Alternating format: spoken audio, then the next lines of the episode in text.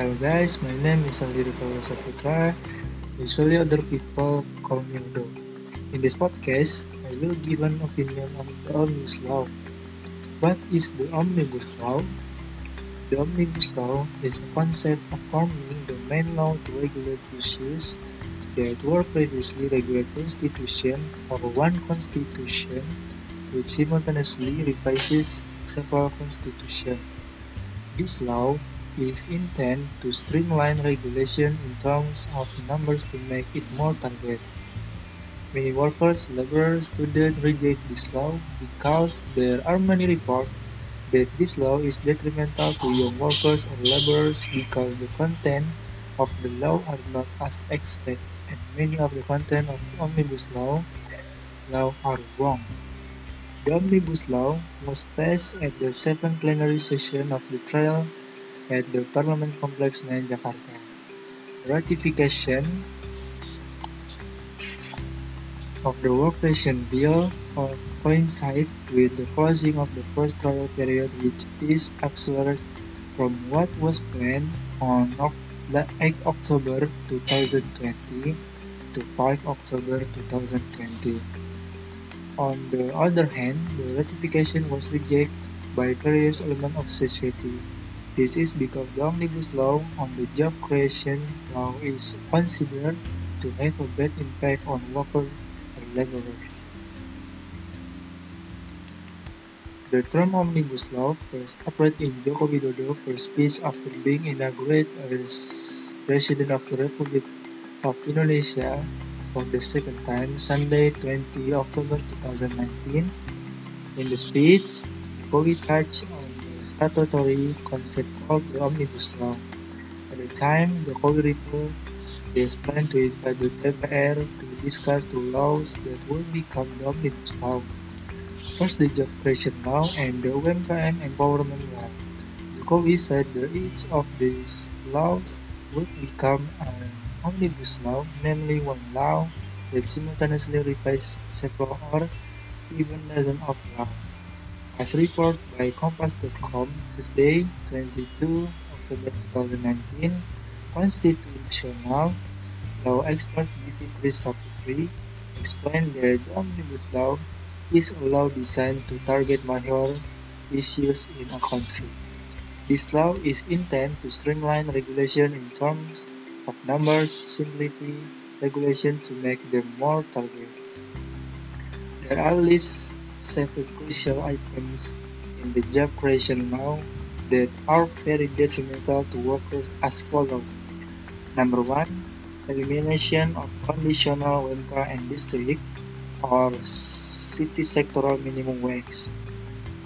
Iqbal stated that work strongly reject this agreement because the WMK did not need to be conditional and the WMSK had to exist.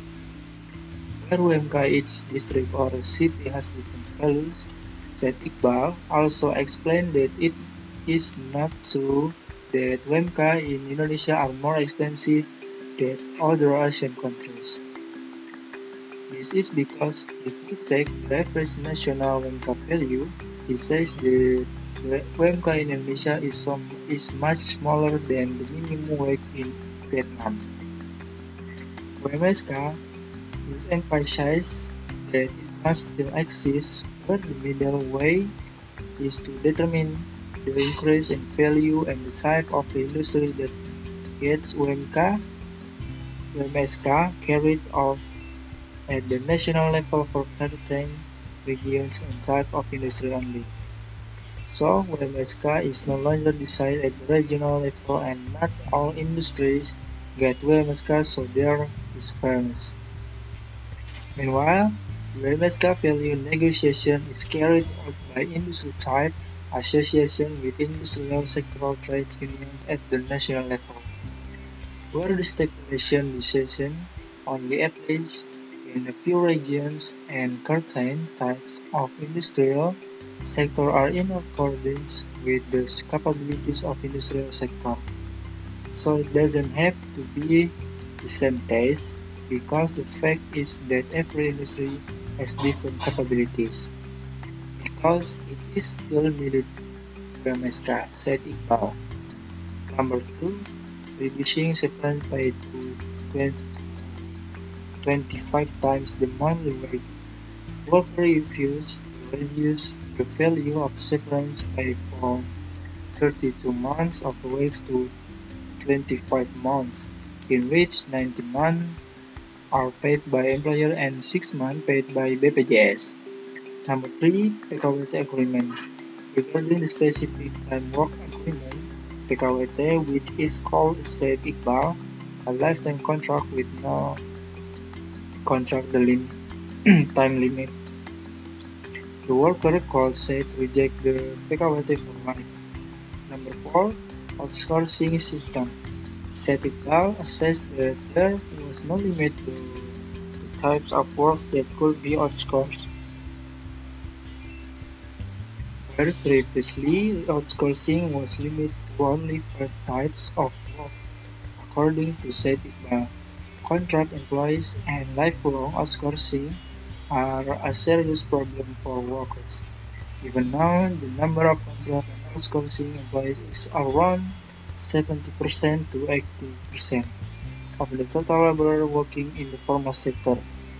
With the passing of the Omnibus Law, do you want to create only 5% to 50% of the number of permanent employees? No, not job security for Indonesian workers. Is this an investment objective? said Iqbal. Said Iqbal questioned who would later pay the job loss guarantee for contract and outsourcing employees. Number 5. Missing menstrual and childbirth leave. The worker rejected exploitative working hard 6 denying the right to live leave and the right to waste on leave is lost.